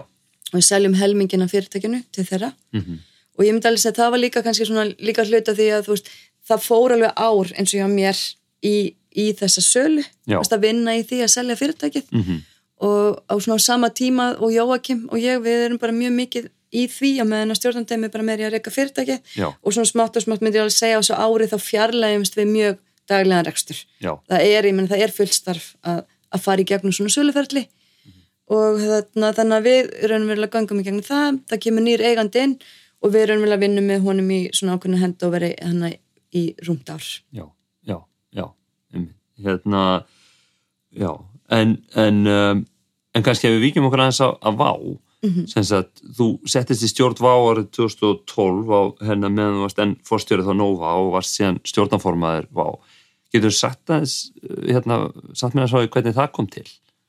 Já, ég hérna ég man hann að 2011 þá, nei 2010 til 2013 þá sitt ég stjórn Erlends hennar síðanfyrirtæks í Nóri mm og flýg reglulega til Noregs og, og, og flýg yfirleitt með Norvítsjan já, og er alveg hugsa bara, þú veist, og, þú veist hann að og ég bara, og ég var alveg mikil stuðningsmaður Æsland Express og samkeppni flýi já, og ég hugsa bara, og ég vildi bara, þú veist, það var bara og allt og dýrt að, að- fljúa frá Íslandi og bara mjög að Norvítsjan bara ótrúlega flott flugfélag. Mhm, og þarna og ég fyrir einhvern veginn að hugsa bara já, þú veist líka bara Nova orðið fimm ára og við okkur bara búið ganga vel í þessum veist, hvað getur Nova gert næst? Já, og ég veist bara, þú veist þarna, þú veist, það hafði engin trú að því að við getum eitthvað keft við síman á sín tíma eða við votum að sína að brota upp einhvern markað, það lítur að vera hægt að brjóta hennan flugmarkað upp, já, þú veist, alveg eins og annan, með þetta er svona, ef maður horfir yfir hana, yfir, þú veist, svona bara allt á Íslandi eða viðskiptalífið, Já. þá er þetta dæmi um markað það sem er bara ákveðin einungun, þú veist, Já. eitt stórt flugfélag og lítil samkeppni. Svo ég fer eitthvað svo dunda mig við það að gera einhver svona viðskipta allir skoða það hvort að við getum einhvern veginn þarna- það sem fórstjóri já, já, já, já, og þú veist bara, mér er bara þetta mjög skemmtlegt og hérna, og reynda ræð mann í vinnu, ræð mann í vinnu til að gera ákveðna svona viðskipta áallin með þetta hana, með mér og, reyna að meta hvað tækifæri getur falist í þessu.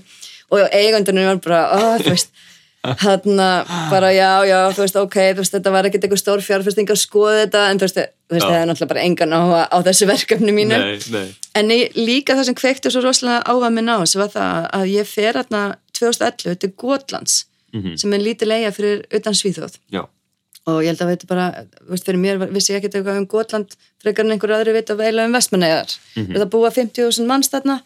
Nema ég fer þarna út af maður minn að fyrir einhverju ráðstöfnu í fimm mjónum og ég kemst að því hann á 2011 að það er eitthvað 600 og eitthvað þúsund hérna, túrista sem heimsækja þessa eigi á ári. Já, og þú veist, það tók bara, veit ekki, og halvan tíma að kæra hringin og það voru einhverja nokkra rollir en ég fyrir eitthvað þetta, það er rosalega mikið flottum hótelum þú veist, Já. alls konar hótel, þú veist, það er spa hótel, svona hótel, hinsegin hótel. Mm. rosalega mikið flottum veitingastæðum og mér var svona að þróa er að, að mörgu leiti heldur en í Íslandi, fjölbreytileikin í hótelum fjölbreytileikin í, í veitingastæðum já, og ég hugsa bara, vá, hvernig fer svona lítilega, veist, að því að taka á móti svona svakalega fjöld, miklum fjölda fólks. Já, og ef, já. að, ef það koma 600 til Gotlands það ætti bara 6 miljónir að koma til Íslands. Já.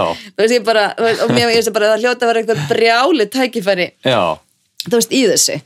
Svo ég kem alveg bara mjög inspired hennan tilbaka eftir þess að Gotlandsferð Inspired og, by Gotland. já, bara algjörlega þarna, og svo hérna svo einhvern veginn, hann rekst í einhvern tímann að skúla bara á einhverja listasýningu, hann bara svona kunningi þekkt, þú veist, bara, Mhm. bara málkunnu honum en ekkert meira en það og bara einmitt nýkomin hann og við fyrir mig að, að deila þessum sögum. Það hafði ekki hugmynd um að hann væri að skoða undirbúning nei, aðstofnun eins og flugfélags Mhm.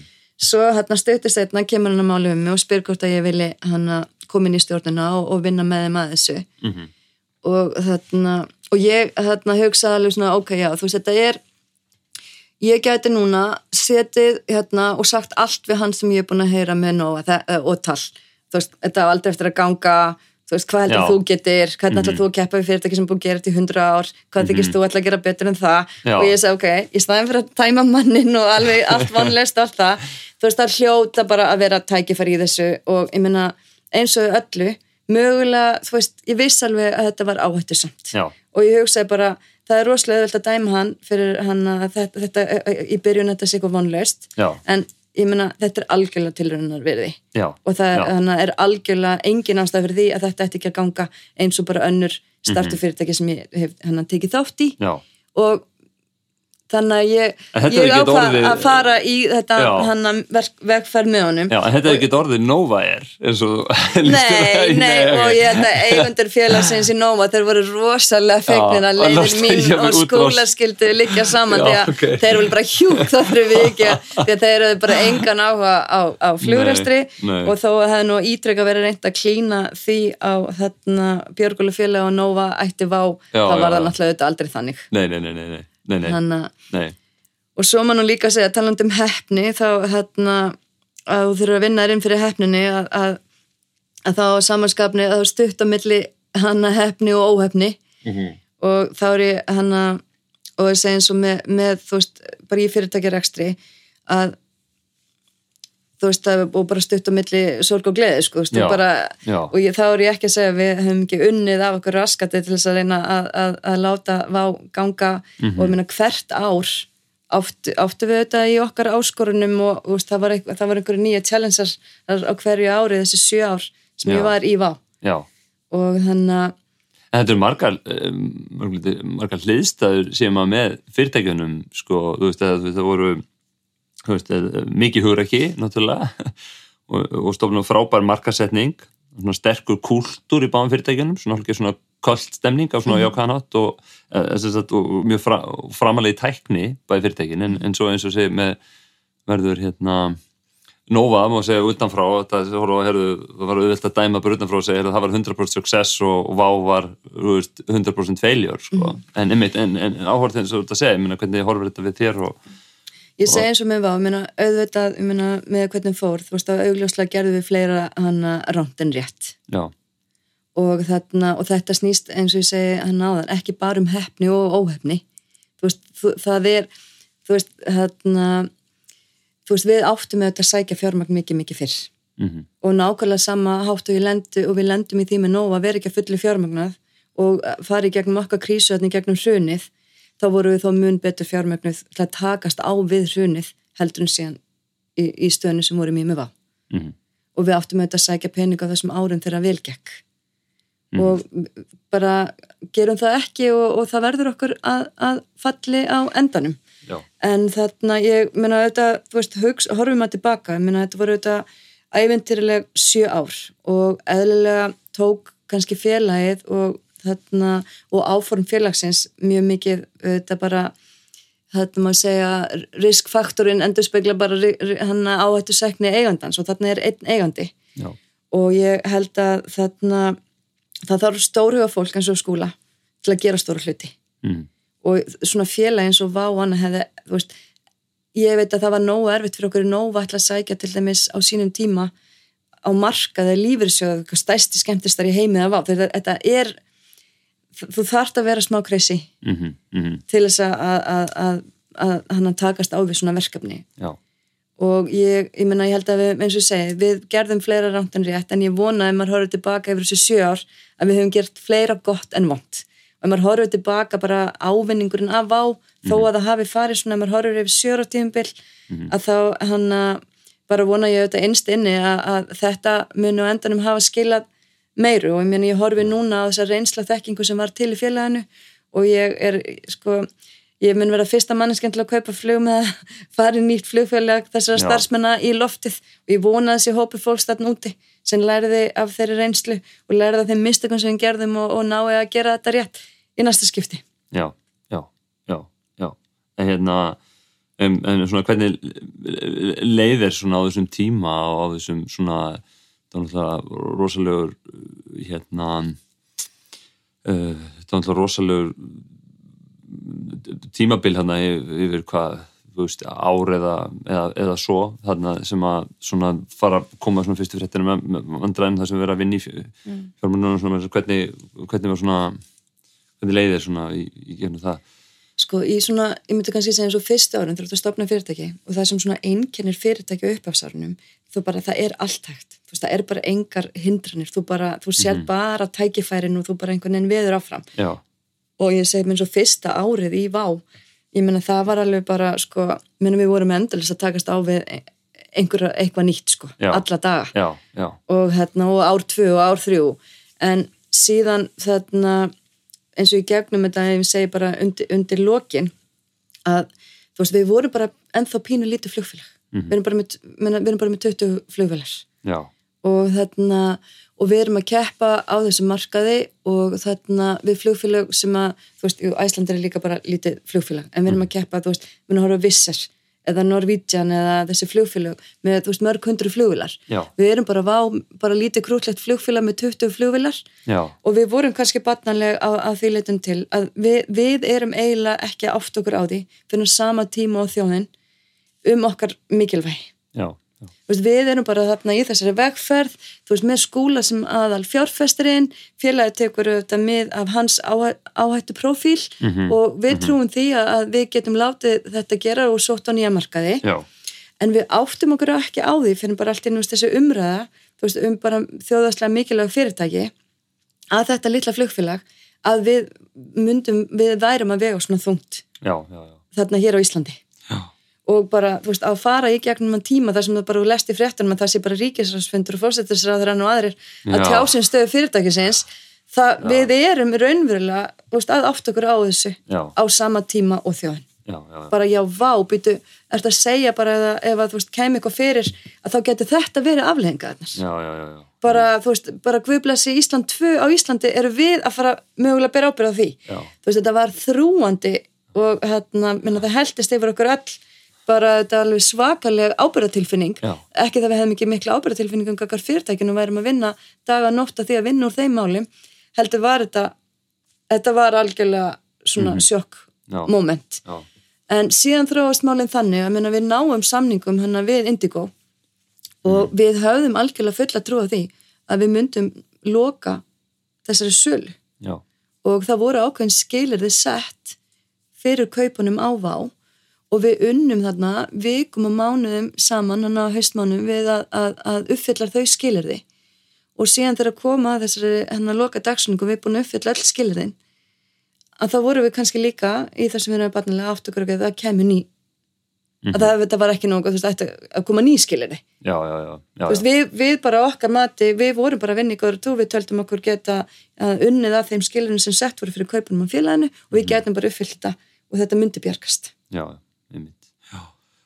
já, já, man, eins og man, man þekkir eh, ekki, ekki va- mál vá vel en, en mann finnst allan að kannski hór svona hort utanfrá og svona kannski í allir þessari gaggrinu umræðinu, þú veist, að líka að hafa- því huga að, veist, að skúli hann fjármagna ákveðna loftbrú til landsins svona sem að, að stulaði að, að að að kom, bjarga þjóðinni dálítið út úr, eða þú veist, kreppunni að spila það hlutverk í að, að, á, þeim, á þeim árum sko, að en, en ég get hérna, Ég meina þetta, er- þetta er hörmulegt að ganga í, gegnum svona reynsli Já. og ég meina það er fyrst og fremst meina, að horfa á hana eins og daginn sem við horfum öll, eftir öllu þessu starfsfólki lapp út af fyrirtækinu. já, já, Það er náttúrulega bara ekki hægt að lýsa hvernig tilfinning það er. Nei. Og ég er raunverulega, ég meina auðvitað gerðu við mistök. Mm og ég meina ég var í barnalega, þú veist þetta var ekki, hann snýrist ekki bara um óhefni. En það er bara oft einhvern veginn þannig að þegar hlutirnir byrja að vinna með þér og allt spyrjast til rétt átt að þá verður ákveðin snjóbolta áhrif upp á við og það er eiginlega sama sem gerist að þeirra fyrir að ganga illa að þá eru stundum líka þannig bara eins og það spóli algjörlega Já. að, að þá er líka bara eins og þannig að allir bara alltaf vinna gegn þér já, já, og endanum var ástandi orðið þannig að við réðum bara ekki neitt við neitt já, já, já.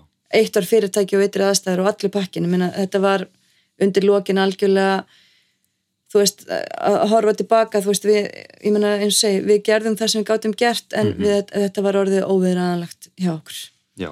en ég er líka, þú veist, að maður horfið tilbaka þú veist að rey, auðvitað rey- reynum að læra með þess að þú veist, allir eru vinnir þegar vel gengur Já, já, og það er rosalega oft líka mikil hætta þegar illa gengur þó, og þá er ég ekki eins og að tala um svona krísu ástand eða gangi gegnum svona að það fer allt í háa loft en við náðum einhvern veginn bæði stjórnundateimi og við vorum myndið segja að þú veist þarna undir lokin vorum við með gríðarlega öflugt stjórnundateimi með okkur. Og það gleymist að skúli var auðvitað ekki einn í þessu Minna, skúli er auðvitað andlit fyrirtækisins og hann er talsmaður fyrirtækisins út af við og, og hann á, á, á, þú veist, átti félagið. Já, en ég veit að me- á, með honum var náttúrulega bara hópur gríðarlega öflugs starfsmannateimis mhm, og, og, og síðan stjórnin og ég segi mér að þetta voru margir mánir sem við bara gerðum ekkert annað þessu hópur en að reyna að bjarga félaginu og því mér fór Já. sem fór já, já. En þú hefur einn segið, það er upplifað ótrúlega eins og þú lýsir þessu svona snjóbolta sem hafa rúlaði annarkvört upp á við eða, eða niður brekku og, og hérna þú sem sagt hérna þú þú náttúrulega stendur á okkunum tímamótum sjálfu, ég veit að þeir eru mjög illa við að, að hérna, hugsa um ammali ég, hérna, ég, ég heyrði að hérna sem er þess að samstagsfólki í nóg á sínum tíma það varst ferdu, það er farið áravilt sem sagt, Já. gefur eitthvað ammaliskjöf og hérna er í sammaliskjöf og auðlýsingarstofan þegar varst 39 ára Já, já, og það, ég veist að varu ferdu en, en, en þú varst nú 50 fyrir ekki, ekki mjög löngu síðan hérna hvernig, er, hvernig svona horfir á þau hérna, tímamót í þínu, þínu lífi ég held að svona eins og sem stjórnandi, þú veist að maður einhvern veginn alltaf að segja fólk, þú veist að þú veist, takast á áskorunir og í bóksnu og, og, mm og hrist upp í fólki. Og svo er þarna þegar kemur að sjálfum sér að hrist upp í sjálfum sér miklu að veldur að hrist upp í öðru. Já, já, já, en, en ég meni, ég hugsaði þessi tímamót þú veist eins og ég hætti í Nova. Já. þú veist þetta bara, voru bara eins og segi 12 frábæra ár og hérna og hættir í ágúst 2018 2018 já, já, og ég hérna og ég hugsaði þetta svolítið svona bara þú veist ég hef tvis að fara í fæðingrúlöf ég hugsaði þetta svona já, þetta er ekki bara þriða fæðingrúlöf en núna er ekki menn eitt bann nema bara sjálfa með að díla við sko.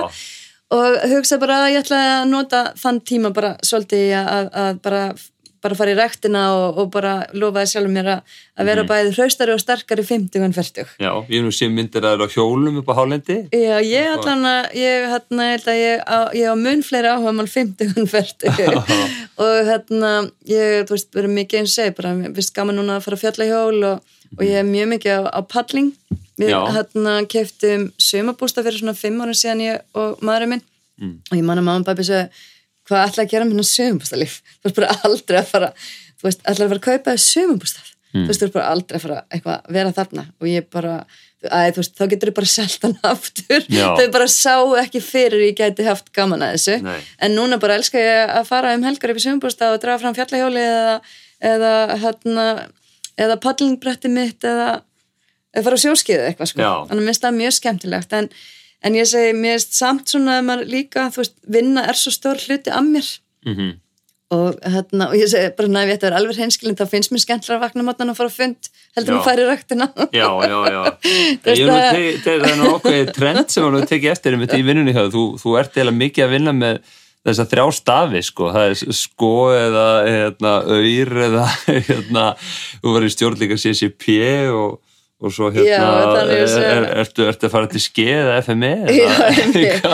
Já, ég segi, þú veist, heitandi líf og vera búin að vinna hjá svona mörgum, þú veist, fyrirtækjum sem er eins og segið, þú veist, VÁ og CCP og TAL og sko, Já, allt þryggjast af fyrirtæki, að þá er spurning hvort ég finna eitthvað nýtt þryggjast af fyrirtæki, ég segi bara núna eða það bara að ég þarf að fara að vinna í það að vera bara eitthvað heppin og fara að finna mér eitthvað nýtt og skemmtilegt að gera. Já, ykkur ætlar að vera heppin núna Já, ég nefnilega að fara að vinna í því. já, já, já, einmitt og hérna, já, já og, og, Nei, í dag er ég að vinna með þarna Iceland Seafood Mhm. og stjórnum þar og, og blá lánu og, hana, og svo er ég ennþá með auðrappið sem er svona fyllt mér frá því að við hann fórum að stað með það með, með, hana, með það app hann 2015 já, en þarna og það er alveg nýr lærtumur fyrir mig að, veist, að, að vakna matnana og, og fara í ræktina og, og, og mm -hmm. á við nýja hlut og ég held að mann hafi líka alveg gott af því ákveðnum tímpunkti en, en svo er ég líka alveg til ég bara, ég, þú veist ég er bara, er einhvern veginn þannig veist, mér, mér líður aldrei betur en því ég er á kæfinu en þegar þú horfur yfir yfir hérna, það er nú eitthvað hérna, ég er nú vissum að það sé mjög spennandi áskoranir framöndan fyrir að, hérna, á þínu ferli en, en, en ef þú horfur kannski, horfur kannski tilbaka þú veist, á þeim fyrir hinga til svona, hver er þetta stoltust að? ég er eiginlega stolt, stolt að að hafa haft bara gaman að þessu. Já, þú veist, ég er bara, þú veist, ég nöyt mín. Þú veist, þetta var, þú veist, ég horfði tilbaka ég er bara ótrúlega, þú veist, sátt. Og ég, hérna, og mist líka, þú veist, einhvern veginn þar sem að hef, og ég hef alveg sagt áður, hefur algjörlega verið mín gæfa í lífinu, að ég hef átt alveg einstaka samsagsfélag þú veist, ég, ef ég horfi bara núna á síðustu, þú veist, sérstaklega eins og bara Nova árin eða Vá árin veist, þetta, við, þú veist, við, þú veist, þetta þú veist, þetta er samstarfsfélagar og svona augrandi og krefjandi umhverfi sem mér leið vel í. Já, og það var líka bara svolítið sem að maður læri með, með árónum og, og, og kann að meta. Og minna, það gerir engin neitt einn. Nei, nei, og bara teimið, alveg saman hvað ég sagt, það er grunnurinn að öllu góði já, já, já. Og kannski bara einn spurning af, af lokum hérna og þú veist, þú verið mikið svona fyrirmynd í, í, í viðskiptalífinu og, og hérna, kannski sérstæðlega fyrir, fyrir konur þá bæði sem frumkvöld og forstjóri og, og, og í raun, þú veist, nær þetta langt kannski án þessi sterka jafnbreytisbylgja hefst í þjóðfélaginu og, hérna, og varst kannski þá meira áberandi fyrir, fyrir vikið. Um, en hver var þín ráð til ungra kvenna sem að metnaði viðskiptalífinu en er kannski líka að stofna fjölskyldið líkt að þú gerir? Já, ég hugsa, þú veist, það er kannski einhvern veginn, sko, ég myndi segja, þú veist, ég hef kannski ekkert endilega líka sjálf verið góð í að þykja ráð. mm, Þú veist, oft ferður ráð, þú veist, frá einhverju fólki sem er bara alveg að reyna að ráða þér heilt. já, En þarna á endanum, þá ert það bara þú og þín sannfinning og þín tilfinning einhvern veginn sem þarf. Þú veist, ég hef alltaf verið ross sjálfstæð og ég er rosalega bara drefin áfram af, þú veist, bara einhver svona mí- mínu dreifi og mínu tilfinninga og, veist, og, minna, og það, fólk eru oft bara mjög tilbúið til að gefa þér alls konar ráð en á endanum þá er það bara einhvern veginn hvernig þér líður í hjartanu.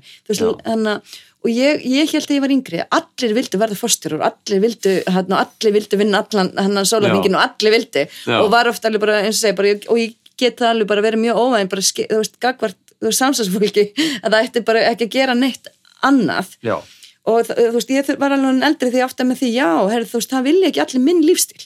Já, það vilja bara ekki allir vinna allan þannig að, þú veist, vera með ópeður og vera alltaf vinnandi og þú veist, fólk kýsir mismunni og velur mismunandi leiðir í lífinu. Já, og það er svona ofta að fá ráð.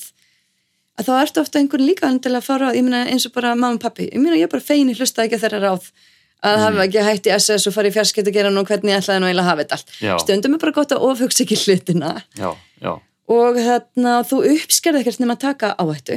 Já, og, og þér þarf að líða vel með það í, þú veist, á eigin skinni Já. alveg óháð öllum ráðum öllu, þú veist, já, ekkert hlusta á allt og alla stundum er bara, og ég segi bara í fyrirtækjarestri, það hefur líka bara ofta reyns minn ágætlega verkið að hlusta, þú bara gerir kannanir þú horfir á tölunar, Mhm. það er ofta svo margir, ég menna eins og með veist, þetta er aldrei að fara að ganga þetta, ef þú myndir hlusta mm. öllu sér Já. þá væri ekki hér þannig að ekkert endilega að hlusta á mikið bara fylgdu hjartanu og þorða að taka bara, veist, þá stefnu og, og fara eftir því sem það að gera Frábært. Herðu, bara líf, rosalega gaman að að spjalla við þig og takk fyrir komuna. í Herði, takk fyrir mig takk. Kæri hlustandi, ég vil þakka þið fyrir áhörðina. Við erum mjög stolt af þeim frábæru viðtökum sem Alfa hlaðvarpi hefur fengið og það er okkur mikið kvartning fyrir framhaldið. Ég vil hvetja þig, kæri hlustandi, til að líka við Alfa framtags síðuna á Facebook eða LinkedIn. Þar tilkynum við um alla nýja þætti þegar þau koma inn og setjum einni ímislegt viðbótarefni sem við teljum að geti gagnast þér. Sem dæmi er þar að finna stutt nýttmiður ráð frá reyndu fólki í íslensku viðskiptalífi. Njóttu vel og við heyrumst ljótlega.